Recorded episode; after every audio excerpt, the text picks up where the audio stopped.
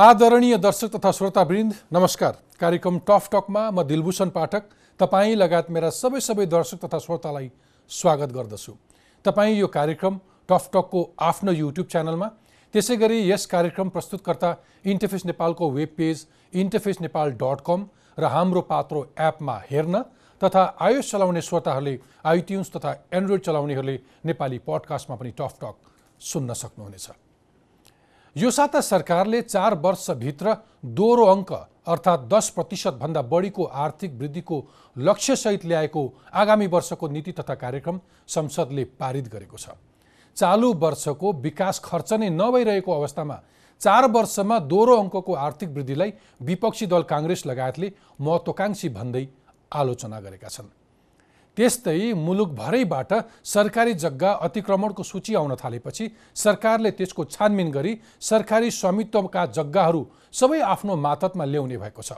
यसका लागि पूर्व न्यायाधीश मोहनमणि भट्टराईको संयोजकत्वमा उच्च स्तरीय छानबिन समिति गठन गरेको छ। अनि यो साता नै उपेन्द्र यादव नेतृत्वको सङ्घीय समाजवादी फोरम र बाबुराम भट्टराई नेतृत्वको नयाँ शक्ति पार्टी बीच एकता भएको छ। नयाँ वैकल्पिक राजनीतिक शक्ति निर्माणका लागि भन्दै दुई दलले एकता गरी समाजवादी पार्टी नामको दल बनाएका छन्। अब लागौँ आजको विषयतर्फ। सत्यमोहन जोशी साहित्य र सांस्कृतिक क्षेत्रको एउटा जिउँदो इतिहास जसको नाम सुन्ने बित्तिकै धेरैले श्रद्धाले शिर निहुर्याउँछन्। साहित्य र संस्कृतिको अन्वेषण सृजना एवं मानव कल्याणका लागि काम गर्दा गर्दै जोशीको उमेर एक शताब्दी पुगेको छ। विक्रम सम्मत उन्नाइस सय सतहत्तर वैशाख तिसमा ललितपुरको बखम्बु बहालमा जन्मनुभएका जोशी एक सय वर्ष टेक्दै हुनुहुन्छ। नेपालीको औसत आयु बल्ल करिब सत्तरी वर्ष पुग्दैछ तर जोशी यस्ता पात्र हुनुहुन्छ जसले सय वर्षको जीवन जिउनु भएको छ।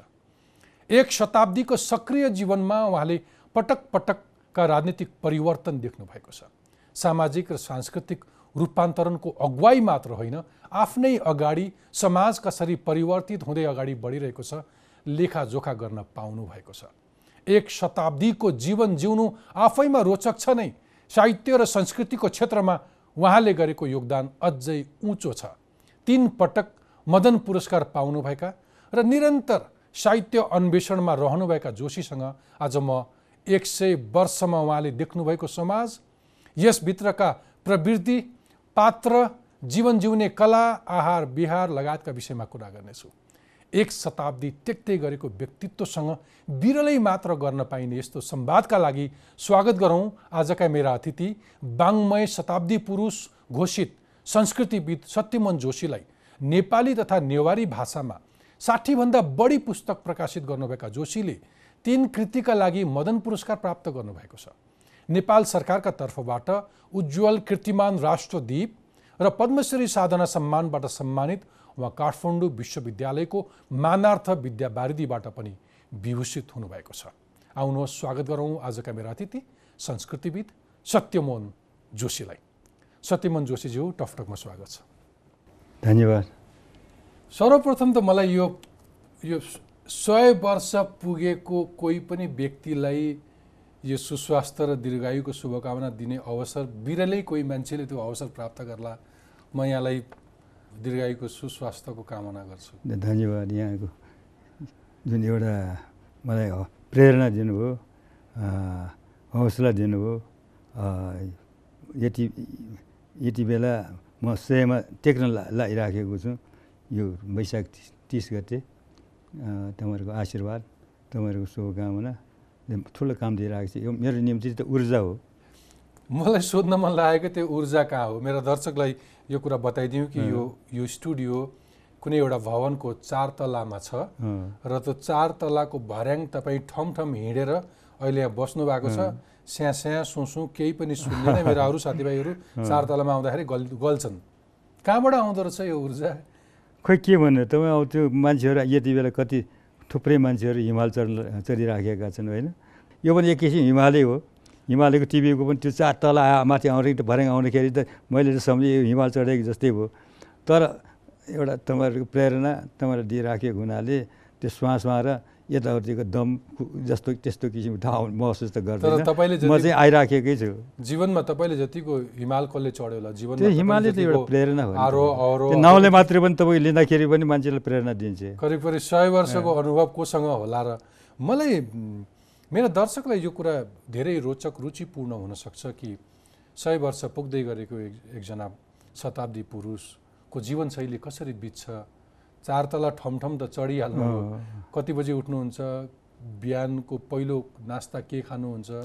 दिनभरि सक्रिय नै हुनुहुन्छ तपाईँहरू। तपाईँ यो अन्वेषणका लागि लेख्नका लागि सिर्जनाका लागि त्यति नै सक्रिय हुनुहुन्छ। सामाजिक कार्यक्रमहरूमा जहाँ पनि पुगेका देख्छन् मान्छेहरूले। अब कुरो यसो म चाहिँ कुनै किसिमको यही गर्ने यसै गर्ने भने त्यस्तो नियम त छैन। साधारण किसिमको हार्ड एन्ड फास्टको नियम त छैन। साधारण किसिमको जुन पहिलेको आफ्नो एउटा परम्परा पर- परम्परागतको रूपमा केटाकेटीदेखिकै लिएर एउटा बानीकै उसलाई फलो गरेर ज- हुँदा हुँदा भनौँ कि एउटा plain living and high thinking हो।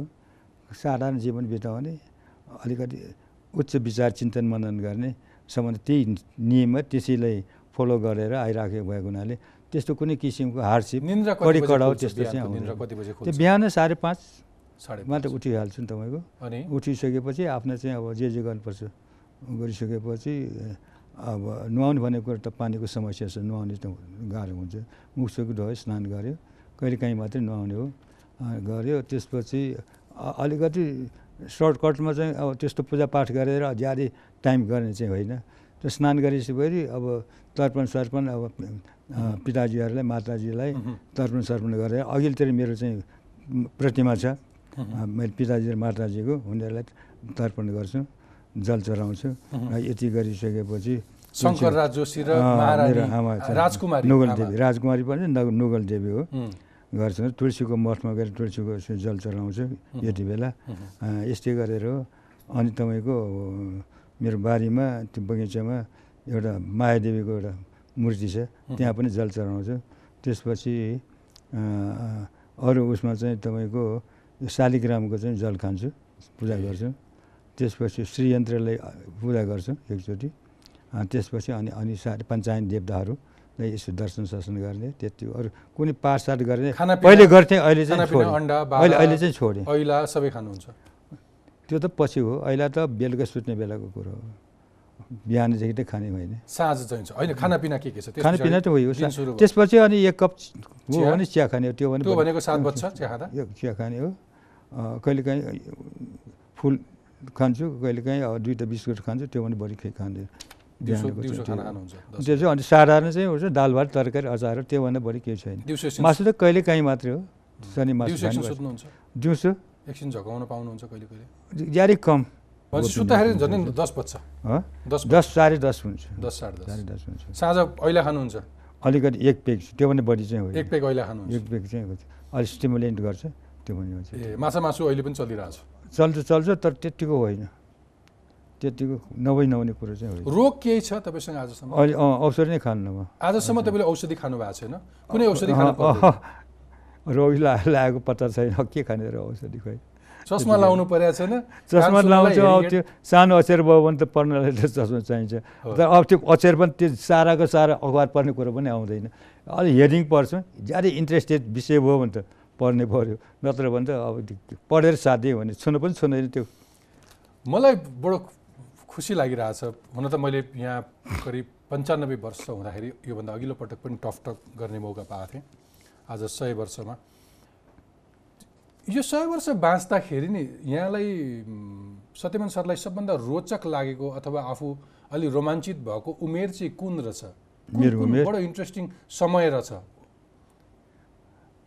समय त तपाईँको यसमा चाहिँ त के भन्छ म मैले चाहिँ त भाषा र साहित्य संस्कृतिकै सन्दर्भमा जाने पनि नजाने पनि काम गरिराखेको भएको हुनाले सबभन्दा मेरो एउटा मास्टर पिस एउटा ज्यादै माथिल्लो तहको जीवनमा एउटा ऊ चाहिँ ऊ चाहिँ छ कि दुःख पनि पाएको तर दुःख मात्र पाएको होइन त्यो बेलाको जति आनन्द मजा अरू बेला नभएको।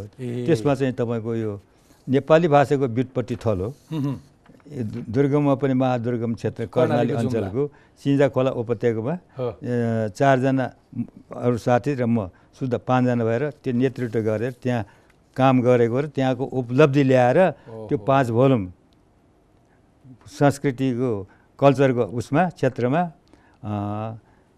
cultural. Historical impact on culture चाहिँ मैले आफैले गरेको जियोग्राफिकल इम्प्याक्ट अन कल्चर चाहिँ Shri Jangbahadur Singh. Socio economic impact on culture चाहिँ Bihari Krishna Shrestha.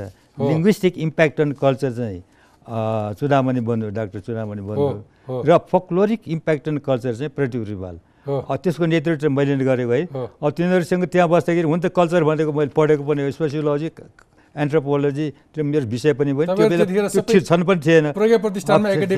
एकाडेमिसियन अलिक ऊ थिएँ सहप्राज्ञ थिएँ। प्राज्ञ पनि पुरा चाहिँ होइन। अठाइस सालको अठतिस सत्ताइस साल। सत्ताइस सालमा त्यहाँ गएर काम गर्दाखेरिको त्यो जतिको दुःख पनि भएन। जारी दुःख पनि पाइयो त्यहाँसम्म पुग्दाखेरिको। र त्यहाँ गएर काम गर्दा गर्दाखेरि नौलो कुरो ज्ञान पाएको जस्तो कि आफ्नो मुलुकलाई देखे जस्तो चिनेको जस्तो कल्चर भनेको के हो भनेको बुझे जस्तो। त्यो परिभाषा चाहिँ मैले पाएँ जस्तो भएको हुनाले र त्यहाँ फर्किएपछि रारा घुमेर राराको टालको ऊ घुमिसकेपछि आनन्द मानेर घर फर्किएपछि जब अब मैले त अरूलाई चारजना त काजमा लिएर आएको। त्यो उनीहरू आफ्नो आफ्नो काजमा गए। काम त जम्मै म मलाई नै सुम्पिएका थिए र पाँच भोल्युम त्यो किताब तयार गर्न जतिको आनन्द। जीवनमा चाहिँ कहिले बिर्सन नसके। सबभन्दा राम्रो क्षण चाहिँ त्यही हो। र सत्यनारायण त्यो सर, सबभन्दा मेरो ठुलो कन्ट्रिब्युसन पनि त्यही हो। अघिल्लो अरूहरूमा त अरूले पनि गरे होला। त्यो एउटा जोइन्ट टिमवर्कमा कसरी काम गर्न सकिँदो रहेछ र एउटा पिछडिएको यारि उपेक्षित एउटा त्यस्तो किसिमको जिल्लामा गएर त्यत्रो अञ्चलमा गएर त्यहाँको सारा कुराहरूको त्यहाँको पोटेन्सियलहरू त्यहाँको विशेषताहरू त्यहाँका चाहिँ कल्चरल आ ऐतिहासिक महत्त्वहरू त्यहाँका सारा कुराहरू त्यो सारा कुरा ल्याएर ल्याउन पाउँदाखेरि त एउटा मनमा ज्यादै आनन्द लाग्यो नि त रिसर्च भनेको यस्तै रहेछ भने। पछिल्लो पटक म पनि पुगेको थिएँ र। यहाँले भने जस्तै माथि रारा घुमेर अनि त्यसरी त्यो सिन्जा भ्याली भएर ओह्रालो झरेर अनि कालीकोटको सिमाना भएर अनि जुम्लाको खलङ्गा पुगेर अनि नेपालगञ्ज झरेका थिएँ म। गएको वर्ष छ आठ महिना बिचमा यही वर्ष गएको छ आठ महिना यता म यहाँले भनेको रारा र सिन्जाको मेरो ताजा अनुभव। मसँग छ। त्यो बेला अब त्यो ठाउँ अत्यन्तै कष्टकर थियो। कष्टकर थियो। तपाईँ अहिले सय वर्ष हामी कुरा गर्दैछौँ सय वर्षमा। सम्भवतः तपाईँ जाँदाखेरि कर्णालीका जनता तपाईँको त्यो भेगका जनताको औसत आयु सरदर पचास वर्ष मात्रै बाँच्थे त्यहाँका मान्छे त्योभन्दा बढी बाँच्थे त्यस्तै हो। कस्तो परिवारमा जन्मनु हो तपाईँ जन्मन निम्न मध्यम वर्गको हो। मेरो पिताजीको ज्यादै निम्न मध्यम वर्गकै हो। हामी हुन त हामी जोशीहरू। अलि हुन्थ्यो अलि अलिअलि पुग्दो पनि होला नि मान्छेहरू। तर हामी हामीहरूको चाहिँ पिताजीको चाहिँ त्यो अवस्था थियो। उन उहाँको त्यस्तो किसिमको थियो। त्यो कुलमा जन्मेको भएको हुनाले उहाँले पनि निकै दुःख पाएर हामीलाई हुर्काएको। अनि यहाँको श्रीमती पनि झन्डै झन्डै शताब्दीकै छेउछाउमा ऊ चाहिँ मभन्दा चाहिँ पाँच छ वर्ष उमेर कम। नब्बे चौरानब्बे ऊ चौरा। ऊ चौर वर्षको उमेरमा म चाहिँ अठार उन्नाइस वर्ष पुगिसकेको थिएँ बिहे हुँदाखेरि। अनि बुवामा कति बाँच्नुभयो? घरमा परिवारमा पनि अरूको यस्तै पिताजी चाहिँ अठहत्तर वर्षसम्म बाँच्नुभयो। नेवारहरूको चाहिँ तपाईँको जङ्को गर्ने भन्छ। हो। बुढा पास्ने। त्यो चाहिँ पहिलो गरेर उहाँ चाहिँ बित्नुभयो। आमा चाहिँ तिनचोटि उहाँको पास्ने भयो पहिलो दोस्रो तेस्रो र सन्तानब्बे वर्षसम्म बाँच्नु आमा। म चाहिँ अहिले अँ, सयमा टेक्दैछु सरको परिवारमा अरू को को हुनुहुन्छ यहाँलाई स्याहार गर्ने अथवा अरू कोही पनि छैन। अब चाहिँ हामी त घरमा त बुढाबुढी मात्रै हो छोराहरू दुईजना बाहिर छन्। एउटा यो एकजना युकेमा बसिराखेको छ एकजना क्यानाडा बसिरहेको छ। एउटा जेठो छोरो अब मसँग बस्दैन ऊ चाहिँ आफ्नै तरिकाले म पाटनमा बस्छु ऊ चाहिँ तपाईँको काठमाडौँमा ताजलमा बस्छन् तपाईँको। तपाईँहरू दुईजना मात्रै। बस श्रीमान श्रीमती मात्रै। बस्नुहुन्छ घरमा? छोरीहरू चाहिँ आफ्नो आफ्नो घरमा भएको हुनाले अँ, जेन जेन चलिराखेको छ आउँछन् जान्छन्। कुनै किसिमको तकलिफ छ। घरको सरसफाइ खानापिना पकाउने ओर्ने लुगा त्यो त व्यवस्था गरिराखेको छ मान्छे चाहिँ राखिदिएको छ। अनि अब हामीले पकाएर खुवाउने यताउति गर्न सक्ने कुरो चाहिँ उता भएन। त्यसैलाई धन्न गर्ने मान्छे। चाहिँ अब मलाई अलिकति तपाईँको साहित्य कलामा जुन तपाईँको किसिमको लत बस्यो नि तपाईँको जुन आकर्षण थियो नि मैले तपाईँलाई कुन सय वर्ष बाँच्दै गर्दा सबैभन्दा रोमाञ्चित र सबैभन्दा रोचक लागेको कुन वर्ष भन्दा पनि तपाईँले साहित्यमा अन्वेषणमा लगेर जोड्नु हो। तपाईँको त्यो किसिमको रुचि छ। त्यो त्यो त्यो लत कहाँबाट आयो? कसरी आयो? पारिवारिक उ थियो? त्यो चाहिँ के भयो भने त्यस बेला नै त्रि- त्रिचन्द्र। ग्रेजुएट। त्यो कलेजबाट त अब भन्नुभयो देवकोटासित पनि सङ्गत गरियो होला। राष्ट्रकवि माधव प्रसादसँग पनि भयो होला पुष्क शमशेर यिनीहरूसँग त्यो बेला उहाँहरू भाषा अनुवादमा काम गर्नुहुन्थ्यो। म चाहिँ कलेजमा हामी हामी पढ्दै थियौँ र फुर्सदमा लिजर आवरमा गएर यसो भेटघाट गर्ने कुराकानी गर्ने त्यो उहाँहरूको प्रभाव चाहिँ परेको छ साहित्य र भाषाको सम्बन्धी। तर मुख्य कुरो चाहिँ त्यो गाउँघरमा जाँदाखेरि यो हाम्रो चाहिँ बस भीमबहादुर पाण्डे हजुर। ऊ चाहिँ तपाईँको सबभन्दा पहिलो एमकम कलकत्ता युनिभर्सिटीबाट एमकम पास गरेर आउनुभएको। उनले एमकम पास गरेर आएर यो नेपालको निमित्त एउटा त तपाईँको इन्डस्ट्रियल सर्वे मह्म। औद्योगिक सर्वे औद्योगिक सर्वे भन्दाखेरि गाउँघरको मा कसरी उन्नति उन्द उद्योग गर्न सकिन्छ कस्तो किसिमको के गर्न सकिन्छ के के र मेटेरियल्सहरू पाइन्छ गाउँघरमा। बाटोघाटोदेखि लिएर त्यहाँको चाहिँ तपाईँको आर्थिक र सामाजिक व्यवस्थादेखि लिएर। सारा कुराको रिपोर्ट तयार गर्नुपर्ने त्यो रिपोर्टिङ चाहिँ कामको प्रतिवेदन तयार गर्ने काममा उहाँले निकै ट्रेनिङ सेनिङ दिएपछि हामी पाँचजना थियौँ। पाँचजना मध्येमा एकजना मै थिएँ। र मेरो जिम्मामा उहाँले छोड्नुभएको थियो तनहुँ र लमजुङ। र तनहुँको काठमाडौँ ललितपुरको मान्छे तनहुँ र लमजुङमा गएर काम गर्दाखेरि र त्यो बेला अब त्यो दोस्रो विश्वयुद्धको बेला थियो दुई हजार एक सालको कुरो नाइन्टिन थर्टी एटतिरको। हामीहरूको दुई हजार एक सालतिरको त्यो बेला अब गाउँघरमा बस्दाखेरि अब त्यो बेला अब चिठी यताउति गर्नलाई पोखरा पुग्नलाई काठमाडौँबाट आठ दिन सात आठ दिन लाग्थ्यो। हो। छ सात दिन त त्यहाँ पनि पुग्थ्यो। चिठी सिटी यताउति गर्दाखेरि दुई महिना एक महिना आइपुग्थ्यो तपाईँ है त्यस्तो थियो। अब त्यहाँ पठन पाठन र स्कुल भन्ने कुरो नाम निशानी केही थिएन। त्यो बेलामा गाउँघरमा गएर काम गरेको। त्यो बेलाको एउटा प्रभाव चाहिँ के पऱ्यो भने गाउँघरको जहाँ गए पनि यो लोकगीतहरू लोकगीत नभन्ने त्यहाँ झ्याउरे। ग्रामीण गीत गाउँघरी गीत असारे गीत यस्तै यस्तै नाम थियो लोकगीत त नामै नथियो। देउराली वरदवर गर्ने मान्छेहरू गीतै गाउँथे वन जङ्गलबाट दाउरा बोक्ने घाँसबाट बोकेर आउने पछि गीतै गाउँथे। पनेरामा पानी कुरेर बस्ने किन पनेरामा एकैचोटि पानी त हुँदैन त्यो पानी निक्रिसकेपछि फेरि कुर्नु अनि पर्यो प- गीत- पानी पानी यस्ता। गीतहरू चाहिँ स्थानीय भाकामै थिए। उनीहरूकै राष्ट्रिय चिज होइन कि यता र उता जाने होइन गाउँघरी गाउँघरी भाका। गाउँघरी भाषा भए पनि नेपाली चाहिँ निकै चिज। गुरुङ मगरले आफ्नो आफ्नो भाषामा पनि गाउँथे तर भए पनि नेपालीले जमाइसकेको थियो नेपालीमा भाव चाहिँ व्यक्त चाहिँ नेपाली भाषामै। त्यसले मोटिभेट गर्यो त्यसले मोटिभेट। गर्यो गर्दा गर्दा पहिलेको त माया प्रीतिको त अब कति गीत सुने गर्दा गर्दा दिक्क ला तर त्यो साहित्यिक कुराका गीतहरू। अथवा त्यो इन्टरनेसनल फिल्डका पनि एक दुई टक टुक्काहरू जस्तो ग्रेट वार चलिराखेको थियो दोस्रो। गल्लाहरू गोर्खपुरबाट इन्डियाको साइडबाट गल्लाहरू आउँथे रिक्रुट गर्न भर्ना गर्नलाई। र चौध पन्ध्र वर्षदेखिको माथिको जम्मै केटाहरू लिएर जान्थे चालिस पैँतालिसदेखि मुनिका युवाहरूले पनि लिएर जान्थे। र तिनीहरूलाई अनेक फकाएर यताउति गरेर एमसी पिसीका लोभ देखाएर पेन्सनका लोभ देखाएर उनीहरूले गोरखपुरमा लगेर ट्रेनिङ दिएर दुई तिन महिना ट्रेनिङ दिइसकेपछि वार फ्रन्टमा पठाउँथे जर्मनसँग लड्ने। जापानसँग लड्ने इटालीसित लड्ने। त्यो गरेको बेलामा त्यहाँका आइमीहरूको कस्तो थियो होला? कसैको भाइ परेर कोही लोग्ने गइरहेको कसैको को परिराखेको छ? तर यिनीहरूले गीत गाए। गाई पाल्यो रेलीमाई बनको बाघलाई छोरो पाल्यो रेलीमाई जर्मनको ढावालाई। कस्तो त्यो मार्मिक कुरो हेर्नुहोस् न त्यो लोकगीत मात्र भएर त भएन नि। त्यो लोकगीतभित्र उनीहरूको मनको त्यो पोखिरहेको त्यो भावनाहरूको त्यो अध्ययन गर्दाखेरि त यो लोकगीत अब अब म लोकगीत भन्छु त त्यो बेलासम्म ग्रामीण गीत गाउँघरका मान्छेहरूमा पनि हरेकमा एउटा कवित्व शक्ति त रहेछ त कवि भावना त रहेछ नि होइन? अब तिनीहरूका मान्छेहरू सात दिन सात रात चाहिँ गीत गाउन सक्छ तपाईँको। त्यसरी के गर्ने? तपाईँले त्यसरी सङ्कलन गरेको त्यो लोकदोहोरी अथवा झ्याउरेहरूको पुस्तक जुन प्रकाशन गर्नुभयो तपाईँले हाम्रो लोक संस्कृति त्यसले दुई हजार तेह्र सालमा मदन पुरस्कार पाएको। हाम्रो लोक संस्कृति लेखेको। मोटिभेसन त्यहीँबाट सुरु भयो तपाईँलाई यो त्यो त्यो गीतबाट त्यसै तरिकाले अब त्यो जुरेलीको एउटा एउटा फिलो अहिले त मेरो निम्ति फिलोसफी पनि भइराखेको छ। फिलोसफी? के खायो के लायो बनेको जुरेली चरेली त्यसको चाहिँ अलिक गहन अध्ययन गर्दाखेरि त यो जीवनमा के रहेछ एउटा सन्तोष जतिको ठुलो कुरो केही रहेछ।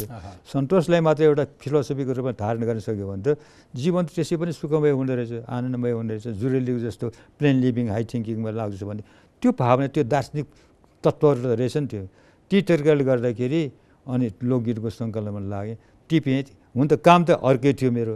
यो चाहिँ फुर्सदको बेलामा त्यो टिप्दा टिप्दै गर्दाखेरि त्यहाँबाट घर के अरे काठमाडौँ फर्किएपछि रिपोर्ट तयार गरेँ। रिपोर्ट तयार गरेको साथसाथै यस्ता यी गीतहरू पनि पत्र पत्रिकाले काम लाग्ला कि भनेर त्यो शारदामा एटेम्प गरेको।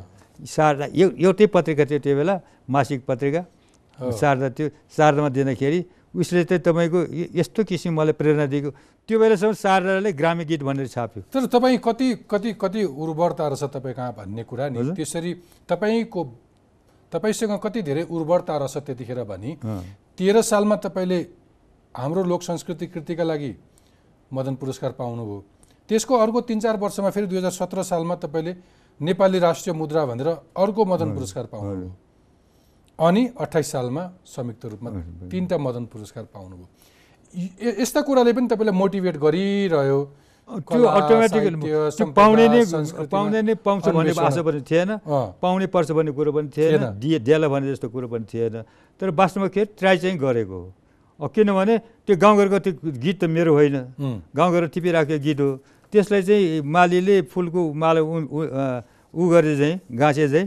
मैले त्यो गीतहरूलाई ठिक तरिकाले चाहिँ तपाईँको राखेर मात्रै दिएको त्यो बाई चान्स चाहिँ त्यसको चाहिँ अब मूल्याङ्कन गर्दाखेरि यो चाहिँ त्यो नेपाली भाषा साहित्यको निमित्त आफ्नो जेन्युन आफ्नो एउटा मौलिक आफ्नो कृतिको रूपमा आफ्नो मौलिक साहित्यको रूपमा लोक साहित्यको चाहिँ निकै ठुलो महत्त्व रहेछ भन्ने कुरा गरेर दिएको हो नि। तर त्यो पाउला यहाँ भन्ने कुरा त आशा त थिएन। हो धेरै मान्छेले चाहिँ अथवा धेरै मान्छे थोरै समय बाँच्छन् अथवा कति मजाले बाँच्छन् या बाँच्दैनन् तर सत्यमोहन जोशीज्यू चाहिँ धेरै समय बाँच्नुभयो अनि मजाले बाँच्नुभयो भनेर भन्यो भने म सही हुन्छु कि गलत हुन्छ? बाँचिराखेको छु। तर मजाले बाँच्नु एउटा। इक्जाम्पल चाहिँ आफै बनिराखेको छ।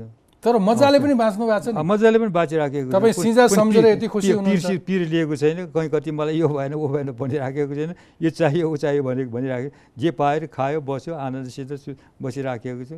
आ साथीहरूसँग कुराकानी हुन्छ सारा कुरा हुन्छ बोलाउँछु जान्छु।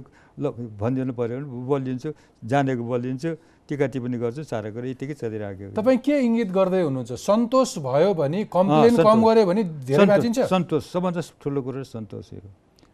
त्यो सन्तोष ला लोभ लालच आउँछ नि तपाईँको। यो भएन ऊ भएन यसो भयो उसो भयो। चिन्ताहरू आउँछ सारा कुरा नचाहिने कुराहरू आइरहन्छ सन्तोष भइदियो भने के हो र? ए यो लोभ लालच गरेर यो रात दिन धन सम्पत्ति आदिका लागि दौडिनेहरू अब। छैन। पहिले थियो। तिनीहरू धेरै पहिले थियो। अब अब त्यो इरेडिकेटेड गर्दै गर्दै मेटिँदै मेटिँदै जाँदाखेरि जति जति बुढौलीले छोयो उति उति त्यसले पनि छोड्दै गयो। अब बुढौली छोडी छोड्दै गएपछि त यी कुराहरू कामै लाग्दैन। विचार गरेर के काम घर के काम लाग्यो ठुलो महल बनाएर के गर्ने हो? त्यो त के काम लागेन अब। यी कुरा बुझेपछि र फिलोसफीलाई त गाइड गरे अहिले। ठुलो ठुलो वेदान्तै पढ्नु पर्दैन ठुलो ठुला तपाईँको साङ्ख्य पढ्नु पर्दैन। कहीँ। लेम्यानको तपाईँको फिलोसफीलाई पनि काम दियो जस्तो मलाई जुरेलीले काम दियो। त्यो जुरेलीले मलाई डाइरेक्टर बनाइदियो तपाईँको पुरातो र संस्कृति दलाइ लामाले काहीँ भनेका छन् कि तिमी जति धेरै सम्पत्तिको आसक्तिमा दौडिन्छौ तिम्रो आयु उमेरको आयु चाहिँ तिमीले त्यति घटाउँछौ। र यति धेरै सञ्चित सम्- सम्पत्ति सञ्चित गर्न नदौडौ कि जति सम् जति सम्पत्ति तिम्रो पछि उपचारकै लागि खर्च गरेर सक्नु परोस् बरु स्वास्थ्य बस भनेर काहीँ भनेको छ होला होला ठिकै कुरो भन्नु होला ठिकै। मलाई तपाईँ यो सय वर्ष बाँच्दै गर्दा त के देख्नु भएन भन्न मन लाग्छ। संस्कृतिले कुन रूप दियो समाज कतातिर गयो अझ मलाई अलिकति राजनीति कुरा गर्न मन लाग्यो। तपाईँले त शासकहरू पनि देख्नुभयो विभिन्न समयमा। त्यो राजनीतिक कालखण्ड पनि देख्नुभयो। पर्टिकुलरली तपाईँले कस्तो कस्तो व्यवस्था र कस्ता कस्ता शासक देख्नुभयो? हामीले इतिहासमा पढे भन्दा तपाईँले अनुभूत गरेको कुरा भनिदिनुहुन्छ। अब मुख्य कुरो त अब राणाकालको टाइममा चाहिँ खास गरी जुट शमशेरको समयको उप प्रधानमन्त्री थियो होइन त्यो बेलाको अब सन्तानब्बे सालको पर्व त्यो बेलाको जन जनतामा चाहिँ तपाईँको राणाहरूको चाहिँ त्यो बेला हरेक सानो उनीहरूको चाहिँ के अरे के अरे उनीहरू पारिवारिक कति छ राणाहरूको। त्यो थोरै परिवारले त्यत्रो नेपालको मान्छेहरूलाई चाहिँ शोषित गरेर सारा कुरा गरिराखेको छ। त तराईतिर जम्मै मौज सजा उनीहरूकै छ सारा कुरा उनीहरू छ। यहाँ काठमाडौँको हेर गर- गर्दाखेरि सानो एकजना राणाको छोराको पनि एउटा महल हुन्छ निवास हुन्छ ठुल्ठुलो हुन्छ होइन? हरेकको चाहिँ भवन हुन्छ सारा कुरा हुन्छ। अलिकति। माथिल्लो पुगेको उसमा त अब अझ छ केशर महल सिंह महल लक्ष्मी निवास। यी हुन्थ्यो तपाईँको। त्यो एउटै कम्पाउन्डमा तपाईँको पचासौँ बिघा चाहिँ जनताको जग्गा परेको छ सारा कुरा। त्यत्रो मौज गरेको एउटै दरबारमा तपाईँको उनीहरू बस्दाखेरि लोग्ने स्वास्नी बस्ने छोराछोरी लिएर लोग्ने स्वास्नी बस्दाखेरि पनि त्यो नानीहरू ठाउँ ठाउँ हेलमुखदेखि लिएर तपाईँका सारा यी यी आइमाहरू गएर दरबारका नानीहरू बस्थे तपाईँको। त्यो बेला त्यस्तै थियो तपाईँको। पछि तिन सय चार सय सौ प- पाँच सय पनि पनि हुन्थ्यो सिंहदरबारमा त्यस्ता यिनीहरूका सारा त्यस्तो मोज मजा गरेर उनीहरूकै तबेला उनीहरूकै सारा कुरा ग्यारी सारी इत्यादि उनीहरूको दुनियाँले के पैसा भएर पनि मोटर चढ्न पाइदिन्थ्यो त्यहाँ औकातै हुँदैन औकात नभएको मान्छेले मोटर कहाँ चढ्ने रेडियो राख्न पाइँदैन थियो उनीहरू रेडियो गर्थे सारा कुरा गर्थे। त त्यत्रो स्मोकमा गरे नि तपाईँको हुनेसम्म गरे। अझ जुन शमशेरले त धुमधाम गरे जे जे गरे। कसैको छोरीबेटी हेर्नु हुने राम्ररी। अझ त्यो नै सडकमा जाँदाखेरि उनको आँखा चाहिँ झ्याल झ्यालमा गएको आइमाहरूमा पर्थ्यो। त्यस्तो कथाहरू पनि थुप्रै छन् तपाईँको। त्यस्तो गरेर उनीहरूले मोज गरेर गए हुन त उनीहरूको निम्ति त्यो मोज भयो तर त्यो बेला यिनीहरूले त्यस्तो किसिमको एउटा लग्जरियस लाइफ बिताएर उनीहरूले गए तर उनीहरू के लिएर के के चाहिँ लिएर? आखिर उनीहरू पनि मरे गए सिडिए त्यस पछाडिका राजाहरू कस्ता देख्नुभयो? अब उनीहरूले त्यो बेलाका चाहिँ त्यो दुई चारवटा नगरेको त्यस टाइमले नै गरेको थियो। उनीहरूले गरेको पनि समयले नै गर्यो। जस्तै एउटा सोप फ्याक्ट्री भन्यो। साबुन त चाहिराखेको थियो एउटा सोप फ्याक्ट्री खोल्यो। सले चाहिराखेको थियो सलेको फ्याक्ट्री गर्यो। टाइमले नै गरेको त्यो गर्छु नै भनेर गरेको नि। र पञ्चवर्षीय योजना जस्तो यो यो गर्छौँ देशलाई यसरी गर्छौँ भनेको कुरो होइन कि। अटोमेटिकली दुई चारवटा सुधारको काम चाहिँ गरेँ। त्यो बेला त्रिचन्द्र कलेज पनि बन्यो दरबार स्कुल पनि बन्यो सारा कुरा बन्यो। त्यो समयले नै गरेको हो। गर्छु नै भनेर गरेको होइन। प्लान गरेर जस्तो अब त्रि त्रिभुवन विश्वविद्यालय त प्लानको वे उसमा तरिकामा बन्यो त्यो युनिभर्सिटी। पछि त्यही तरिकाले गर्यो। पछि त भयो। समय निकै बिताइसकेका छौँ हामी यति रोचक वार्ता भइरहेछ। राजाहरू पनि त त्रिभुवन महेन्द्र वीरेन्द्र ज्ञानेन्द्र सबै देख्नुभयो देख्नु देख्नु चारजना राजा को अलिक को अलिक प्रभावकारी लाग्यो? त्यो सबभन्दा त उयो हो तपाईँको यो के अरे त्रिभुवनको। किन त्यो बेला कङ्ग्रेसले जनक्रान्ति पनि गर्यो कम्युनिस्टले पनि क्रान्ति गर्यो भनौँ सबैले गरे। तर उनले आफ्नो श्रीपेच आफ्नो तपाईँको राज्यको जुन जुन ऊ छ त्यसलाई बाजी राखेर त्यति चाहिँ राजदरबार त्याग नगरेको भए उन उनलाई त कसैले मर्डर गर्ने कुरै आएन। होइन? हुन त हो नराम्रो हो। एउटा देशको एउटा सार्वभौम सत्ता भएको देशको एउटा राजाले अरूमा चाहिँ गएर रिफ्युजीको उसमा चाहिँ शरण गर्नु त्यो राम्रो कुरो थिएन। तर परिस्थितिले त्यति नगरिदिएको भए जनक्रान्तिले त्यतिको सफलता पाउने थिएन। त्यो मेलमिलाप त दुई हजार सात सालमा प्रजातन्त्रको घोषणा गर्नु नै त्यो म्याग्ने चार्टर त भयो नि देशको निम्ति। त्यही बेलादेखिको अब वक्त हाम्रो बोल्ने चाहिँ स्वतन्त्रता लेख्ने स्वतन्त्रता संस्था खोल्ने स्वतन्त्रता सब कुरो त्यही बेलादेखि भयो। नत्र त यो त्यो बेलादेखि भन्दा अगाडि त एउटा फर्बिडेन सिटी जस्तो थियो। काठमाडौँको मान्छे अथवा पाटनको मान्छे वीरगञ्ज जानु पऱ्यो भने चन्द्रागढी उसमा गढीमा त्यहाँबाट राजधानी लिएर जानुपर्छ त।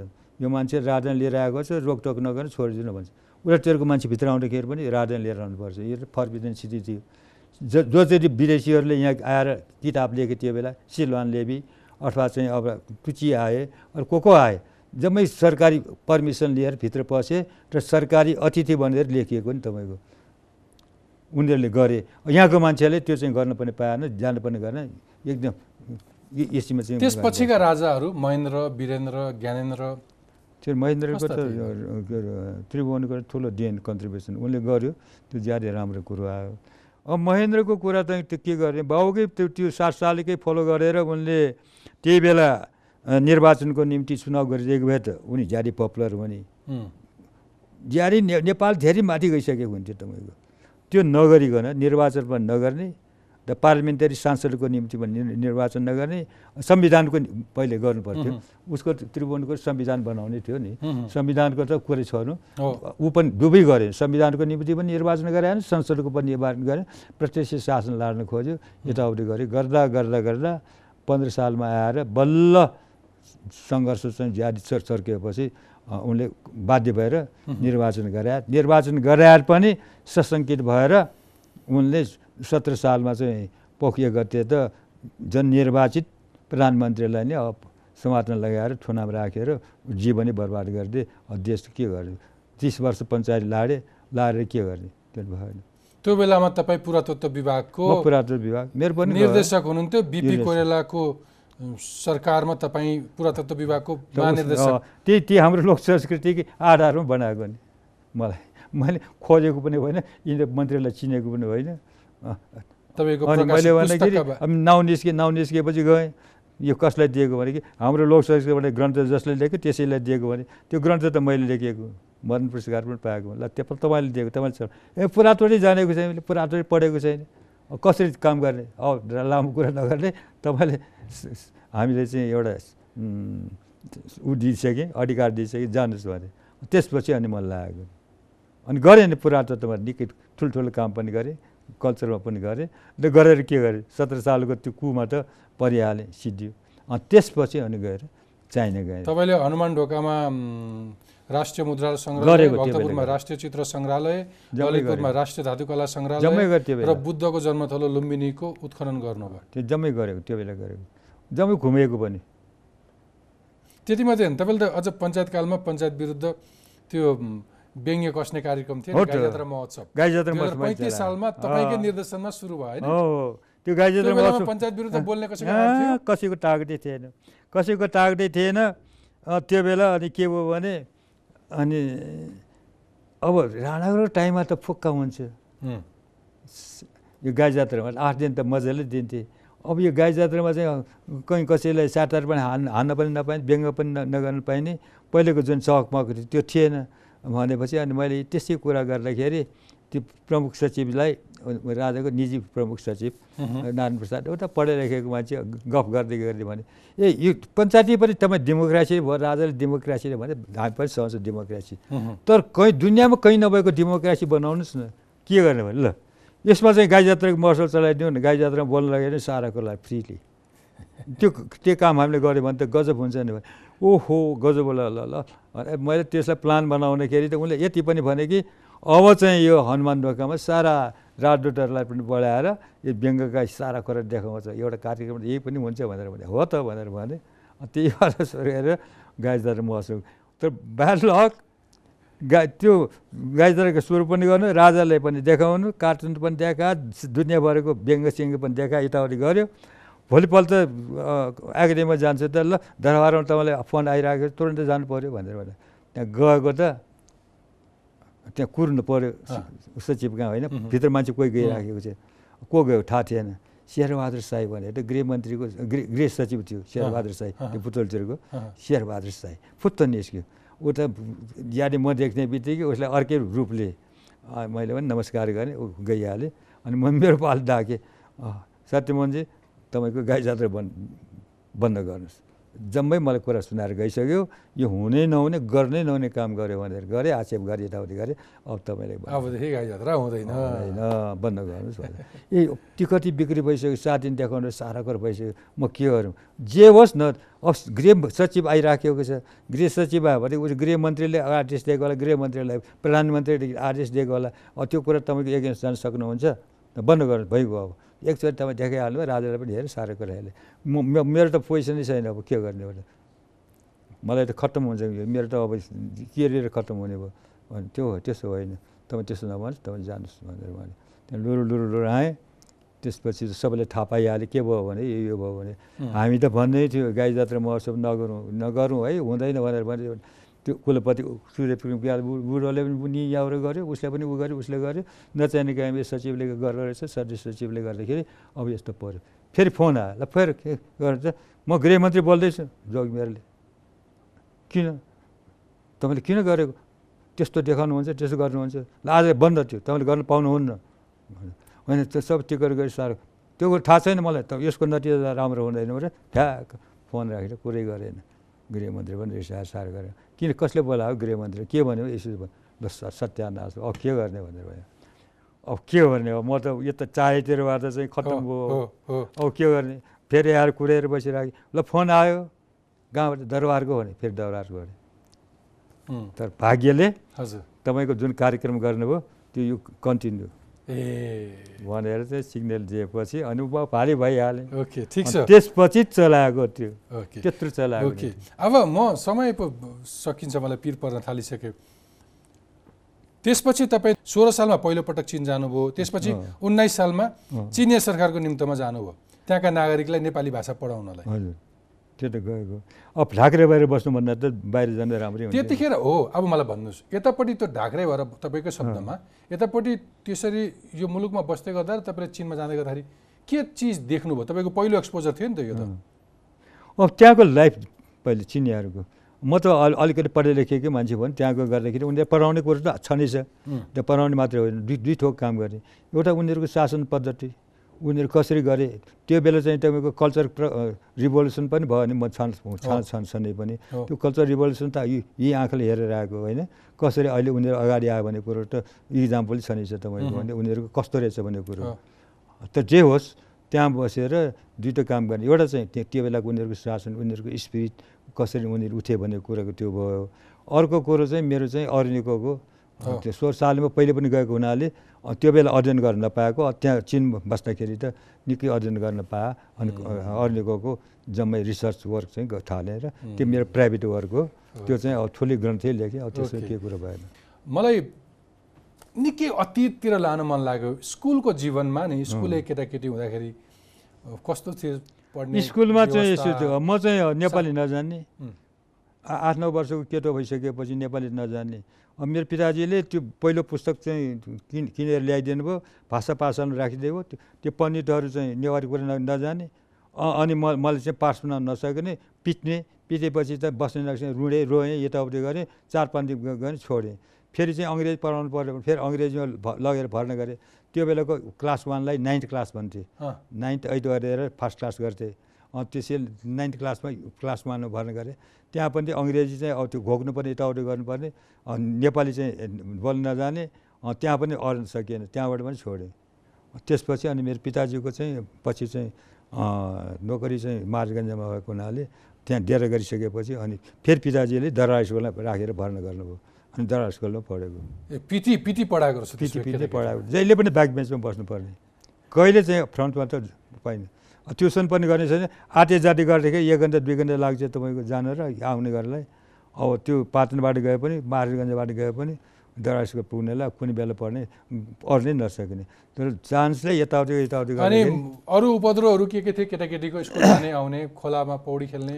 अब त्यो चाहिँ साधारण कुरा भयो अलिअलि त्यो भौटे लिएर फ- बल खेल्ने। अब भौ पैसा छैन बल किन्ने त्यो बेला अलि ठुलो ठुलो मान्छेहरूले मात्रै गर्छन्। अब हामी जस्तो विद्यार्थीहरूले त्यो भौटे ल्यायो यताउति गऱ्यो झुम्रो सुम्रो बाँड्यो भौटे जस्तो बनाएर खेल्ने लट्ठी काछ कान काने पिच्छे तेल काछ यस्तै किसिमको नै हो नि। बाघ चाल यस्तै किसिमको खेल खेल्ने हो त्यो बेलाको। केटाकेटीको मनोरञ्जन त्यति नै थियो। अरू खेल छ नै छैन। अब मलाई भनिदिनुहोस् तपाईँले समाज त करिब करिब आदिम जस्तै झनै झनै ढुङ्गे युगको जस्तै खालको समाज बेसिक सामान्य न्यूनतम पूर्वाधारहरू पनि नभएको समाजदेखि आजसम्म यो समाजले रूप लिइरहेछ नि। यो बदलिँदो समाजलाई कसरी हेर्नुहुन्छ? समाज यो? त समयले नै तपाईँको एक त ल्याउने हो। यस त्यसमध्येमा पनि अब हामीहरूको उसमा चाहिँ रूपान्तरित भएर अब राजतन्त्रबाट चाहिँ सङ्घीय लोकतन्त्रात्मक गणतन्त्रमा आइसकेपछि त त्यो समय नै देखाइराखेको छ ऐतिहासिक क्रममा देखाइराखेको छ होइन? अब त्यो हामी गरिब भनेर पनि नभनौँ धनी भनेर पनि नभनौँ सबैले देखिराखेको कुरो हो। कति कति महलहरू बने कति कति घरहरू पनि बने कति कति सारा कुरा नभएको त होइन उनीहरूले त भइराखेकै छ गरिराखेकै छ सारा कुरा भइराखेकै छ। तर भए पनि देश जति उसमा सुनियोजित तरिकाले जानुपर्ने हो सुनियोजित तरिकाले सबैको चाहिँ उठेर माथि जान जानुपर्ने हो त्यो हुन नसकेकोमा चाहिँ अब देशको चाहिँ के हुन्छ कस्तो हुन्छ भन्ने कुरा तपाईँको समग्र मिल्न सक्दैन। नेताहरूले मिल्न सकेन नेताहरूमा एक रूपता आएन सबैमा तपाईँ आफ्नै आफ्नै दम्पु आफ्नै आफ्नै उसीमा लागिराखेका छन्। अब टुक्रा टुक्रा टुक्रा हुन्छन् अब अरू मुलुकमा त त्यस्तो थिएन। उनीहरूको पार्टी भए पनि त्यस अपोजिसन एउटा पार्टी हुन्छ सानो सानो एक दुई पार्टी हुन्छ। अब यही हामीहरूको जस्तो त भएन हाम्रो टुक्रा टुक्रा टुक्रा हरेक जुन कुरो चाहिँ भएन। अनि अर्को कुरो के हो भने हामी हामीले चाहिँ कुनै तरिकाले कसैले खराबी गर्यो भने त्यसलाई उचित रूपले दण्ड दिन सकिएन। दण्डहीनता दण्डहीनता भयो। मुख्य। अनि अर्को कुरो नेताहरूमा के के अभाव भयो भने आत्मआलोचना गर्दैन।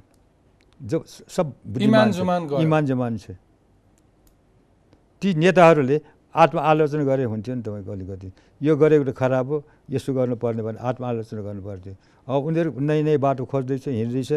देश चाहिँ एकातिर गइराखेको छ। देशमा चाहिँ एउटा जुन एउटा बेनिभोलेन्ट डिक्टेटरसिप चाहिन्थ्यो तपाईँको। त्यो चाहिँ भएन। अथवा मैले यसो भन्दा हुन्छ अघि तपाईँले भनिरहनु भएको थियो नि राणा शासनको बेलामा चाहिँ जनताका करेसा बारीहरू मिचेर अथवा उनका ठुल्ठुला चाहिँ कम्पाउन्डहरू थिए ठुल्ठुला भवनहरू थिए दरबार थिए निवास थिए भन्नुभयो जनताहरू छाप्रोमा बस्थे। त्यस्तै खालको क्यारेक्टर अहिलेका नेताहरूले पनि अलको ठुलो घर बनाउने। सम्पत्ति जम्मा गर्ने होड छ होइन। अलिकति सामाजिक सबैले देखिराखेको कुरो हो नि जिम्मेवारी तपाईँको। छैन जस्तो। सबैले देखिराखेको कुरो हो नि तपाईँको कस्ता मान्छे कस्ता कस्ता पर्वमा पुगिराखेका छन् कति जम्मा गरेका छन् कसका कति महल छन् सबैले थाहा छ नि तपाईँको। वास्तवमा तिनीहरूले पनि जेलीमा जीवन बिताएर आएका हुन् कति दुःख पाएर आएका हुन् कति दुःख क- कष्ट सहेको हो। अब त्यो जम्मै तपाईँको गाउँघर पनि बिर्से सारो कुरा बिर्से अनि आफ्नै उसमा लाग्न थाले त्यो एउटा दुर्गुण चाहिँ त्यही हुँ। त्यो सबै मिलेर अब हामी जम्मै गरौँ भने त्यो भावना चाहिँ आएन। त्यो मुख्य कुरो हो लिडरसिपले स्टेट लिडरसिप लिडरसिप जुन चाहिने त्यो। मुख्य त्यसले कन्ट्रोल गर्न त्यो सँगसँगै मैले अर्को अर्को हेर्न खोजेको चाहिँ जस्तो कल्चरल चेन्जहरू हुन त यसलाई कल्चरल हाइब्रिडिटी पनि भन्छ नि होइन? संस्कृति पनि ब्रोइलरको रूपमा आयो होइन? त्यो हाइब्रिड भएर आयो। भन्न खोजेको नि पहिले तपाईँहरूको पालामा जसरी विवाह हुन्थ्यो व्रतबन्ध हुन्थ्यो अथवा अरू सामाजिक चालचलनहरू हुन्थे आजभोलि चाहिँ त्यो ढर्रा अलिकति हाउगुजी बढी आडम्बर बढी पुस्ताहरू कता गइरहेको छ संस्कृतिहरू कसरी विलय भइरहेका छन्? अब भिले यो भनेको यस्तै हो किनभने यो त कल्चर डाइभर्सिटी सांस्कृतिक विविधता भएको देश। हो।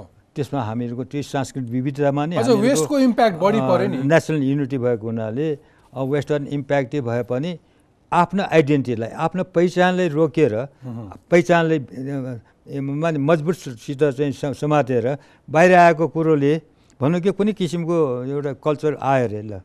त्यो कल्चर बाहिरबाट आएको जुनसुकै चिज होस् त्यसले नेपाली माटो नेपाली हावापानी ने नेपाली धारणालाई नेपालीको आफ्नो मौलिकतालाई असर नपार्ने गरेर त्यसले काम दियो भने त त्यो खराब त गर्न सकिँदैन होइन। तर यसो त्यहाँबाट हेऱ्यो- असुट भएर बस्न तर यसो हेऱ्यो। भने पहिले जस्तो सम्बन्धहरू जति हार्दिकता थियो पहिलेका जस्ता सम्बन्धहरूमा हार्दिकता छैन अलि रुखो सुखो लाग्छ। मान्छेहरू अलिकति आडम्बरी भइरहेको जस्तो अलिकति देखावटीमा बढी जोड दिए जस्तो लाग्दैन?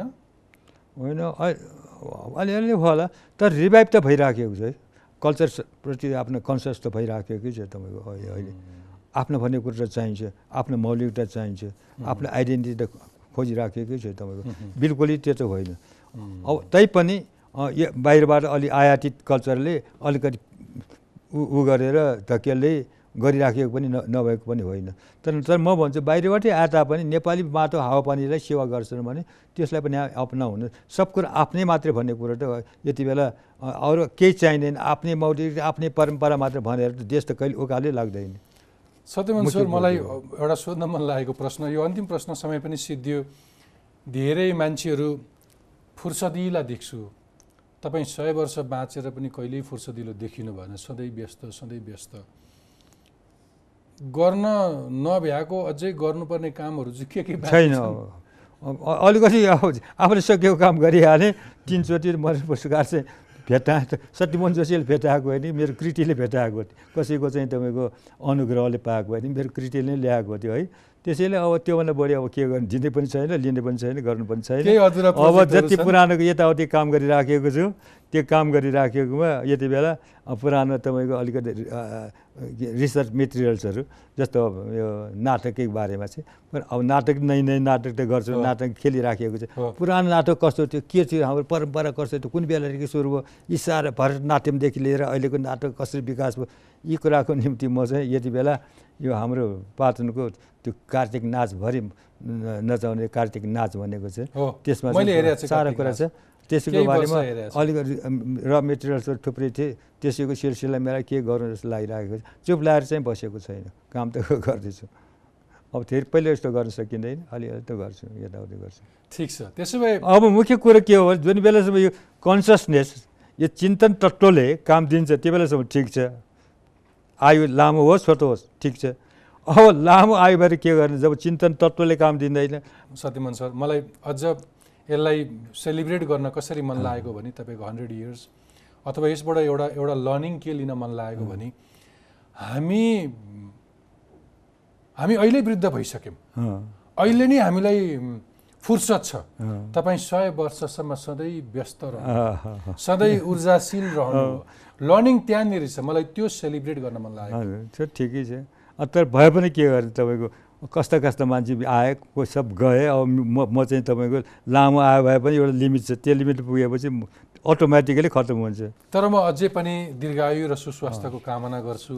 आज तपाईँले समय दिनुभयो विचार दिनुभयो चार तला उक्लिदिनु भयो यो अब यसमा चाहिँ मैले आज भने त्यो चार तला उक्लाउँदाखेरि मैले एउटा एउटा हिमालको एउटा कवि एउटा वैदिक अ, ऋचाको एउटा सानो एउटा एक टुक्रा थिम सम्झेँ। त्यो के हो भने यस्य मे हिमवन्तो महित्वा यो तपाईँको यजुर्वेदको कहीँ कतिको उखान हो। त्यसले के भन्छ यो हिमालका श्रेणीका चुचुराहरूले त्यसै उभिएर चुचिएको होइन तिनीहरूले त्यो अलमाइटी गड त्यो एटर्नल स्पिरिटको गुणगान गाइराखेका छन्।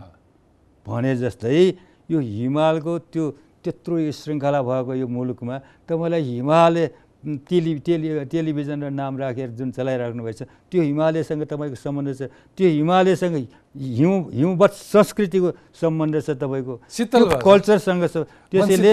तपाईँको त्यो हिमालय टिभीले यो सम्पूर्ण नेपालको त्यो त्यत्रो एउटा तपोभूमि तप आर्य जे भन्नुहोस् न होइन त्यत्रो हिमालयको उसमा भएका ऋषिमुनिहरूले सारा उ गरिसकेको ठाउँमा यी हिम्मत संस्कृतिलाई लिएर सा संस्कृति विश्वबार भन्छ यो त्यो संस्कृति नै विश्वव्यापक भनेर जान जान्छ भन्छ भनेपछि त्यसमा पनि अलिकति दिल लगाएर यताउति गरेर अरूले गरेको भन्दा पनि एउटा हिमालयकै सन्दर्भमा एउटा हिमालय हिमवत संस्कृतिलाई अलिकति बढी जोड दिनुभयो भने।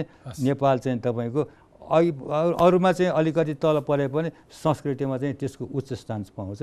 र सगरमाथा चाहिँ साह्रै चाहिँ उचिरहन्छ जस्तो मलाई लाग्छ thank you sir thank you sir धेरै धेरै धन्यवाद